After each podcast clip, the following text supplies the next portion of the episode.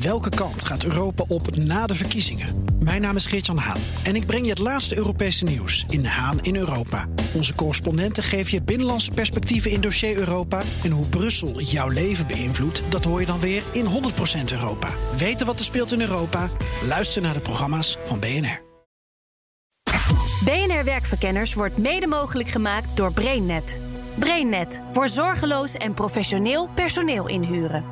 BNR Nieuwsradio. Werkverkenners. Rens de Jong.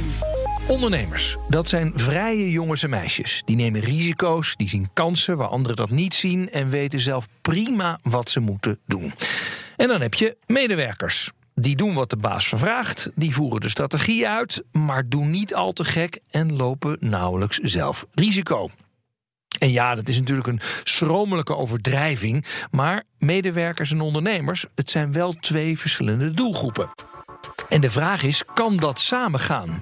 Want als loonslaaf heb je je baas vast en zeker wel eens horen vragen: word nou eens wat ondernemender. Maar is dat echt mogelijk? Of vooral een voorbeeld van corporate wensdenken? Deze uitzending van Werkverkenners gaat over intrapreneurship. Nou, om te beginnen, waar komt die term eigenlijk vandaan? Ik heb Erik Stam uitgenodigd. Hij is hoogleraar economie aan de Utrecht School of Economics. Wanneer is de term intrapreneur dan gekomen? Nou, de, de letterlijke term is uh, pas een jaar of 30, 40 oud. maar de, de grootste denker over ondernemerschap in, uh, in de wetenschap is Joseph Schumpeter. Misschien bekend van creatieve destructie. Zeker, van ja. hoe nieuwe bedrijfstakken op, opkomen, oude uh, overbodig maken. En die schreef in 1911 mind you. Wow. 1911 al van uh, ja, ondernemers. De functie van ondernemerschap is het belangrijkste om economische ontwikkeling te krijgen. Anders zouden we nog in het stenen tijdperk zijn. Maar ik voorspel, uh, hij zag toen al dat heel veel grote organisaties opkwamen. Dat in de komende tijd steeds meer ondernemers binnen grote organisaties zullen werken. Ah. In 1911. Ah, oké. Okay. Uh, maar het woord intrapreneur had hij nog niet nee, bedacht? Nee, nee, dat woord. Uh, hij zei van. Uh, je moet twee dingen onderscheiden: de functie en vorm van ondernemerschap. De functie van ondernemerschap is in Jip en Janneke taal het herkennen en realiseren van kansen voor innovatie. En de vorm is zelfstandig ondernemerschap. Ja, ja. Dus we hebben het nu bijvoorbeeld in Nederland heel vaak over ZZP'ers. Dat is een vorm van ondernemerschap, maar niet altijd de functie van ondernemerschap. Want heel veel ZZP'ers in de bouw of in de zorg doen eigenlijk gewoon hetzelfde als wat ze voorheen ook als werknemer deden. Uh, dus die hebben niet per se de functie van ondernemerschap. Nee. Terwijl iemand die een nieuwe vestiging opzet, nieuwe software bedenkt, ja, die is heel ondernemend bezig. Maar vaak binnen uh, de organisatie van zijn werkgever. En, en, en de term intrapreneur, wanneer, vanaf wanneer komen we dat een beetje tegen? Nou, de eerste keer dat het genoemd is in, de, in vooral de managementliteratuur is uh, jaren 70, jaren 80. Het was nog niet heel bekend, maar je ziet dat er echt een enorme opkomst de laatste 10, 15 jaar en ook heel veel uh, wetenschappelijk debat en onderzoek, omdat we nu eigenlijk pas dit meten. Ja. Bijvoorbeeld uh, zelfstandig ondernemerschap werd al gemeten in 1800, omdat bijvoorbeeld de Kamer van Koophandel en allerlei andere statistieken bijhielden wie er zelfstandig ondernemerschap, wie er ja. als boer zelfstandig was. Ja. Maar we meten niet wie er ondernemend is als werknemer. Dat, nee. dat doen we pas uh, sinds kort. En misschien uh, komt dat ook naar boven omdat we het steeds meer nodig denken te hebben als ja. grote bedrijven, toch? Ja. Het grappige is dat het dus in, in de jaren 80, uh, 70, 80 opkwam als, als een term. En dat is ook de tijd dat eh, we niet allemaal meer dezelfde auto kopen. Dat er veel meer differentiatie naar allerlei op maat gemaakte producten. Dat grote organisaties eigenlijk steeds meer moeite hadden om de technologische ontwikkeling en ook de gedifferentieerde vraag aan te kunnen. En een heel mooi boek van uh, Rosabeth Moss Cantor in die tijd was How Giants Learn to Dance. Wow, ja. dus hoe die grote corporates, ja, die ja. moesten wendbaarder worden. Maar ja, hoe doe je dat? Nou, ja. Zij zei van intrapreneurship is daar een, een oplossing voor. Maak je, geef je medewerkers nou de ruimte om ondernemer te zijn. Dan komt die innovatie uh, vanzelf. En dan gaan die, die olifanten ook uh, dansen. Eigenlijk die allemaal kleine olifantjes in, in, in, de grote. En, en met... Dus het was vooral de vraag vanuit de markt en ook technologische ontwikkeling. Dat was toen. En toen zag je ook weer de opkomst van zelfstandig ondernemerschap overigens. Mm -hmm. En nu de laatste tien jaar met, met uh, termen zoals industrie 4.0, uh, het uithollen van de middenklasse, zie je dat door technologische ontwikkeling en uh, globalisering banen worden overgenomen door robots of naar lage lonen gaan. Dat zijn niet alle banen, het zijn vooral mm -hmm. banen die gedomineerd worden door routinetaken. Dus taken die door robots kunnen worden overgenomen ja. en die in Taiwan en Maleisië goedkoper kunnen worden gedaan. Wat blijft dan over? Niet-routine taken, of positief gezegd, creatieve taken. Dus Mhm. taken waarin je vooral complexe problemen moet oplossen, waar je met, met anderen moet samenwerken, waarop, je, waarop de problemen soms nog niet helder zijn, of waar je allerlei eh, experimenten moet doen om te kijken wat de beste oplossing is. Nou, dat lijkt nog heel erg op ondernemerschap, is ja, het niet? Ja, maar het, het grappige is dus, want ik kom het eh, de laatste tijd, maar goed, dat is NS1. Ik sta natuurlijk vaak op podium, eh, praat ik met, hoor ik veel corporates aan of praat ik met corporates over, ja, waar moeten we heen? Ja. En eh, nou ja, eens in zoveel dagen voort, valt het woord intrapreneur wel. Hè? Ja. Of, of de CEO zegt, we moeten met elkaar ondernemer zijn. Of we krijgen een presentatie van een soort met van, ja, we hebben een, een, een, een, een ecosysteem gecreëerd in de kelder met zitzakken. En dan moeten mensen ook entrepreneurial zijn, et cetera. En ik dacht bij mezelf, het feit dat die term voor mijn gevoel nu steeds vaker opkomt, betekent dat er echt een probleem is. Dat Ja. wij dus werknemers niet meer goed genoeg vinden. Is dat zo?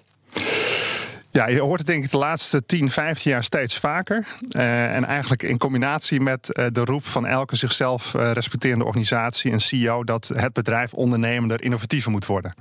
Het feit dat ze dat al 10 of 15 jaar achter elkaar roepen is al bedenkelijk. En ze hebben heel veel hoogopgeleide werknemers.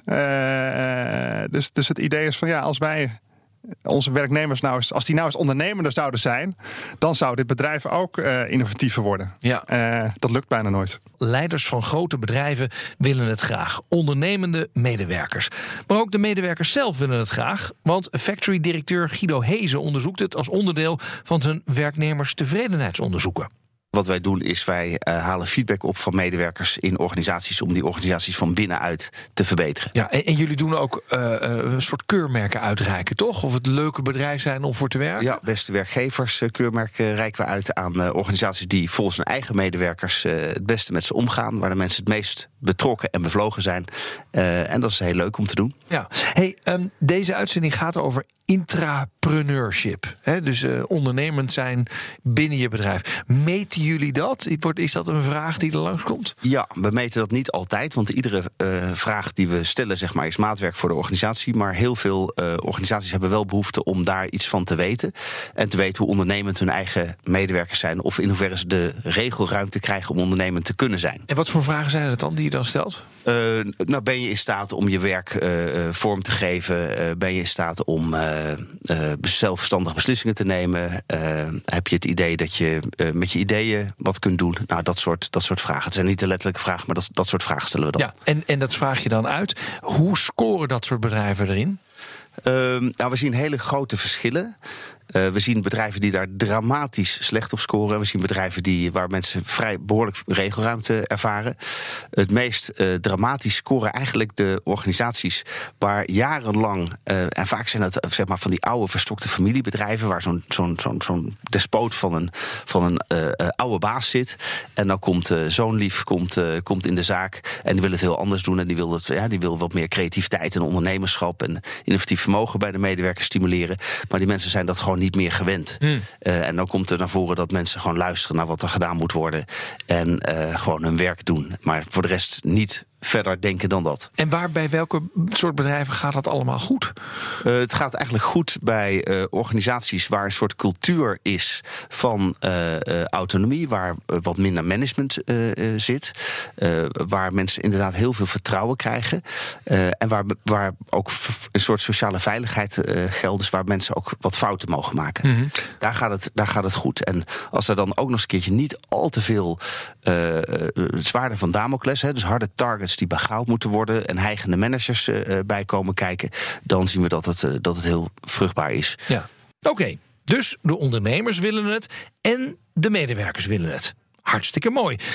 Maar moeten we elkaar niet te veel voor de gek houden? Want het is toch gewoon een tegenstelling in zichzelf, ondernemen en in dienst zijn?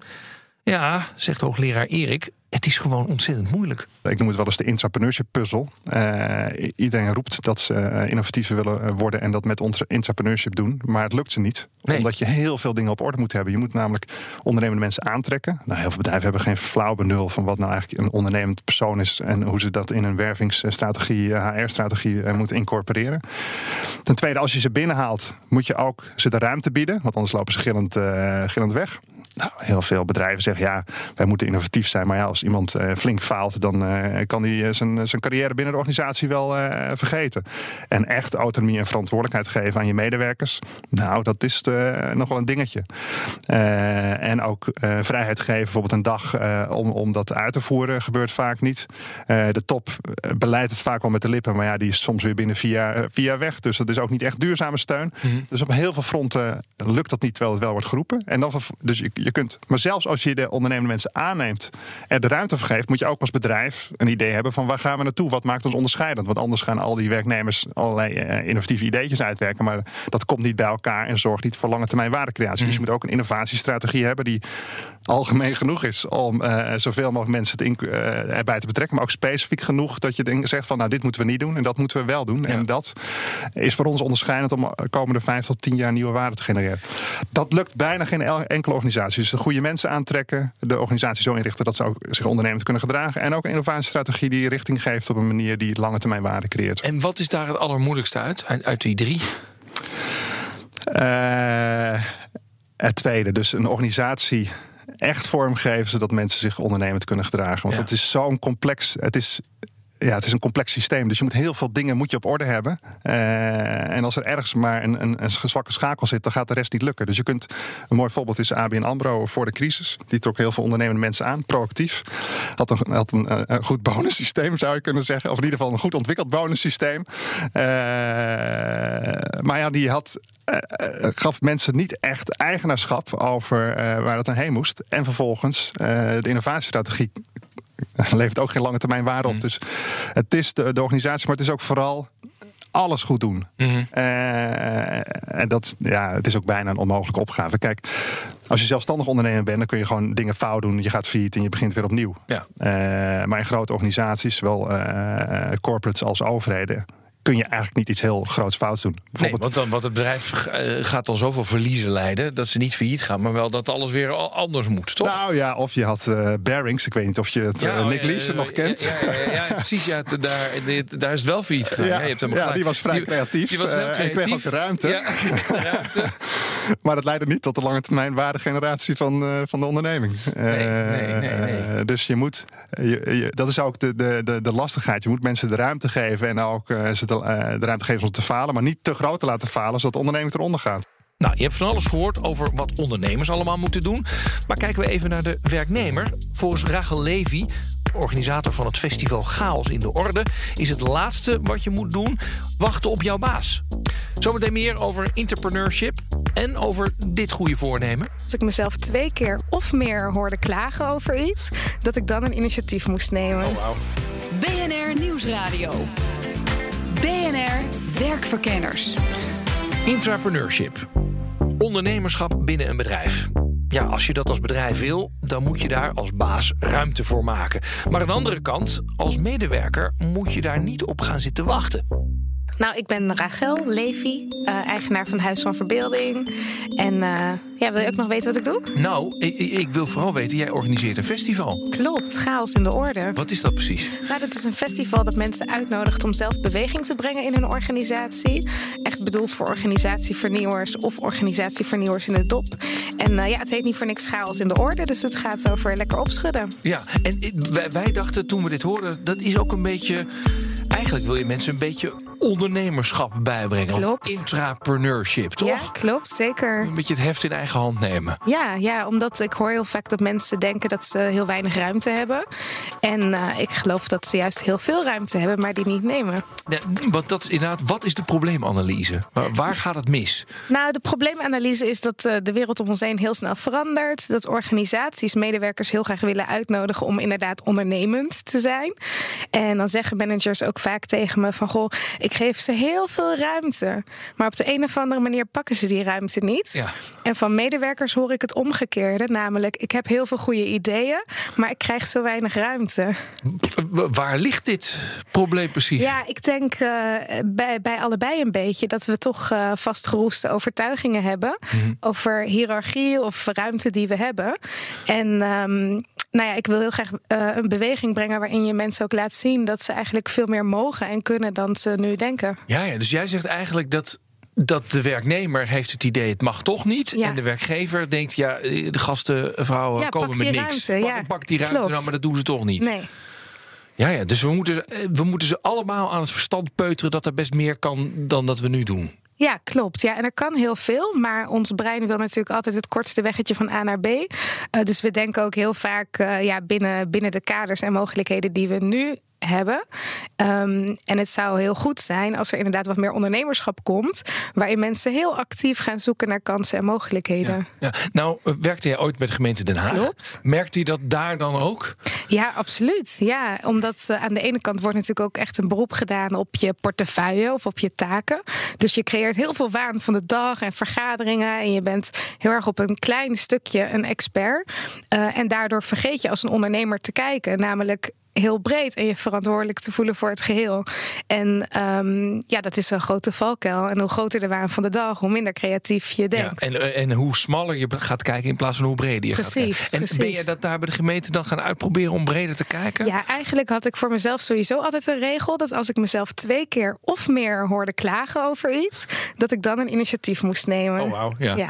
En dat is voor mij ook echt ondernemerschap. Dat je, eh, dat je dus, dus ziet van waar zit eigenlijk mijn eigen pijn, maar dat je dan niet anderen verantwoordelijk maakt voor een oplossing. Oké, en hoe, hoe pakte dat uit? Liep je tegen veel muren aan of viel dat mee? Nou ja, soms, soms wel. Want je kunt natuurlijk niet. Het is niet zo dat je altijd je zin kunt krijgen. Maar je kunt wel altijd een initiatief nemen. Geef eens een voorbeeld van hoe je dat deed bij de gemeente. Mm, nou ja, eh, als, ik, als ik een probleem zag en ik dacht van ja, dat is het management is met heel andere dingen bezig, maar dit is echt een probleem. eh, dan ging ik gewoon kijken van heb ik gelijkgestemden om me heen en kan ik samen met anderen gewoon ideeën bedenken of initiatieven. En soms is het dan zo dat als je een initiatief presenteert, dat het management eigenlijk heel blij is, eh, omdat het misschien niet hun grootste urgentie heeft, maar eh, wel degelijk zo'n initiatief wordt ondersteund. Ja, en soms eh, is het even gewoon echt niet de prioriteit van een organisatie. Nou ja, dan krijg je een nee te incasseren. ja, ja. Maar dat is beter dan stilstaan. Ja, maar, maar jij had wel een soort de vertegenwoordiging van geest van... oké, maar dan moet ik het zelf eens even met een idee gaan komen. En hoe reageerden je collega's? Want Nou ja, ja, er werd wel, het was niet door een manager gezegd... dit moeten we nu gaan doen, dit was een eigen initiatief.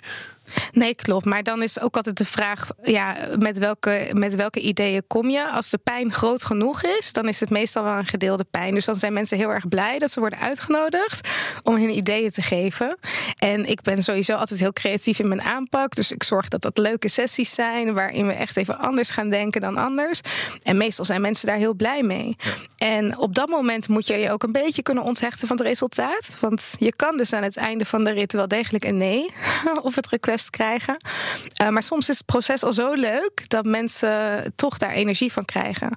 En ik wilde, het laatste wat ik wilde was echt zo'n doodgebloede ambtenaar worden die op een gegeven moment zegt van ja, weet je, alles heb ik al een keer meegemaakt, uh, alles heb ik al een keer voorbij zien komen. En dan gewoon stoppen met, um, ja. Ja, met ondernemerschap. Maar goed, je bent niet ambtenaar gebleven, want je werkt Nee. niet meer bij. Volgens mij Nee. ben je nu helemaal voor jezelf, toch? Klopt, ja. Nou ja, dus uiteindelijk kroop het bloed waar het niet gaan kon. Nou ja, als je op een gegeven moment dus inderdaad oog krijgt voor kansen en mogelijkheden. En in mijn geval zag ik dus heel erg die padstelling tussen managers die ruimte willen geven en medewerkers die dachten dat ze geen ruimte hadden. Toen dacht ik, ja, ik wil gewoon die creativiteit gaan stimuleren, want dit is echt een kans. Ja, Dit ja. is gewoon zelfs een markt is hiervoor. Ja, precies. Ja, Rachel heeft dus de indruk dat managers er eigenlijk best op zitten te wachten. Die ondernemende medewerkers. Ik vraag hoogleraar Erik wat ze er eigenlijk aan hebben. Wat levert entrepreneurship op voor bedrijven? Wat blijkt uit onderzoek? Ja, twee dingen. Ten eerste tevredener eh, werknemers. Ten tweede op de lange termijn meerwaardegeneratie. Mhm. Kun je dat iets meer duiden? Ja, eh, dus op microniveau, je, je, je, je, eh, je behandelt je werknemers niet als robots. Als je dat namelijk doet, kunnen ze eigenlijk net zo goed door robots vervangen worden of door eh, mensen in Ja, maar lage goed, er, zit, er zit natuurlijk wel een groot verschil in tussen ze niet als robots behandelen en ze als een soort eh, entrepreneurs neerzetten, toch? Eh, Ja, maar eh, het belangrijk is hier van dat je de organisatie zo inricht dat mensen zich ondernemend kunnen gedragen. En dat Ja. betekent eigenlijk dat ze hun talenten kunnen ontplooien en eh, tevreden kunnen zijn over het werk. Dat ze dingen realiseren. Getting things done is ook Mhm. een belangrijk onderdeel van ondernemerschap. ja. Dus dat je ook het gevoel hebt dat je ertoe doet dat de, de organisatie daar beter van wordt. Dus dat is een belangrijke. Maar natuurlijk voor de CEO, ja, als je niet uh, dat entrepreneurship op een goede manier vormgeeft, heb je een grote kans dat je de, de organische groei van je, van je onderneming misloopt. Ja, blijkt dat echt uit onderzoek? Is er... Ja, nou, er is een, een, een positief verband tussen het stimuleren van ondernemerschap onder werknemers en, en het langere en middellange termijn performance van organisatie. Dat is natuurlijk een hele grove maat van, van waardecreatie, maar daar zijn wel indicaties voor. Oké, samenvattend. Je hebt als leider van een bedrijf een behoorlijke lijst van dingen die je moet doen. Wil je meer ondernemende mensen hebben? A. Je moet ze aannemen. B. Een goed geformuleerde visie neerzetten. En C. Ruimte geven. Maar mensen zijn kuddedieren, concludeerden we in het gesprek met festivalorganisator Rachel Levy. Ze komen gewoon om half negen binnen en doen wat ze altijd al deden. We hebben wel eens een uitzending gehad over werktijden. Weet je wel? En ook mensen die werktijden loslieten, bleven mensen gewoon om negen uur komen. Weet je wel? Dus hoe doorbreek je dat? Ik, ik denk namelijk dat het alleen maar zeggen en wat tools geven niet genoeg is om echt die gewoontes van mensen te doorbreken. Nee, dat is waar. En, en, en de gewoontes zijn ook natuurlijk, hè, daar, daar, die hebben we ook erg nodig. Ja. Want daar voelen we ons heel comfortabel bij en heel veilig. Dus de vraag is ook of mensen andere werktijden willen. Of de pijn daar groot genoeg is. Of dat dat gewoon een gek idee is. Um, maar als je mensen daar echt toe wil uitnodigen. om dus het echt anders te doen. dan zul je in het begin zeker ook zelf het goede voorbeeld moeten geven. Dus ook zelf niet van 9 tot 5 daar zitten. Ja, maar de werktijd is alleen maar een voorbeeld. Hè? Het gaat er mij meer om, mensen zitten gewoon vast in gedrag. En ook al ga jij ze uitleggen van, joh, pak die ruimte. Ja. En mensen hebben het in hun hoofd best wel bedacht. ja. Um, maar waar ik bang voor ben, of wat ik als een risico zie, is dat mensen hartstikke geïnspireerd zijn, ja.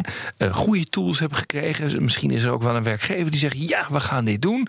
En binnen twee weken vervallen we toch in oud gedrag. Doen we toch wat korte termijn handig is, omdat we het altijd al zo deden, et cetera.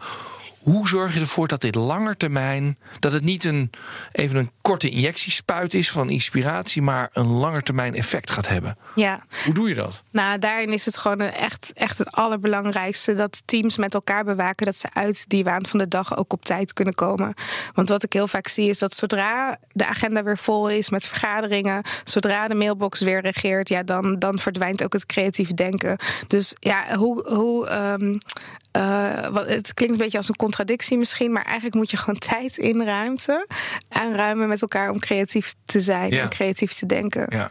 En dat moet een manager bewaken, maar een team ook. Ja, ja, Dat, je, dat je van, hier gaan we dit hier gaan we dit. Ja, dat is ja want anders mensen vervallen gewoon heel snel in gewoonte. Gaat gewoon uh, joh, negen uur de mailbox open en dan uh, rond een uur of uh, zes weer naar huis. Ja. Denk, oh ja, dat creatieve gedeelte doen we ja, dus morgen. Eigenlijk klinkt het heel gek, maar je moet het inplannen. ja. voor het grotere doel is dit. Voor het grotere doel gaan we het inplannen. Dus pak je agenda en blok wat creativiteit. Dit was BNR Werkverkenners. Volgende week een nieuwe. Je kan uitzendingen terugluisteren via bnr.nl en de podcast-app. En volgende week ben ik er gewoon weer op ons nieuwe tijdstip. Op dinsdag om half vier. Tot dan. BNR Werkverkenners wordt mede mogelijk gemaakt door BrainNet. BrainNet voor zorgeloos en professioneel personeel inhuren. Bij BNR ben je altijd als eerste op de hoogte van het laatste nieuws. Luister dagelijks live via internet. Bas van Werven. En heel langzaam komt de zon op rond dit tijdstip. Je krijgt inzicht in de dag die komt op BNR, het Binnenhof in Nederland en de rest van de wereld. De Ochtendspits. Voor de beste start van je werkdag. Blijf scherp en mis niets.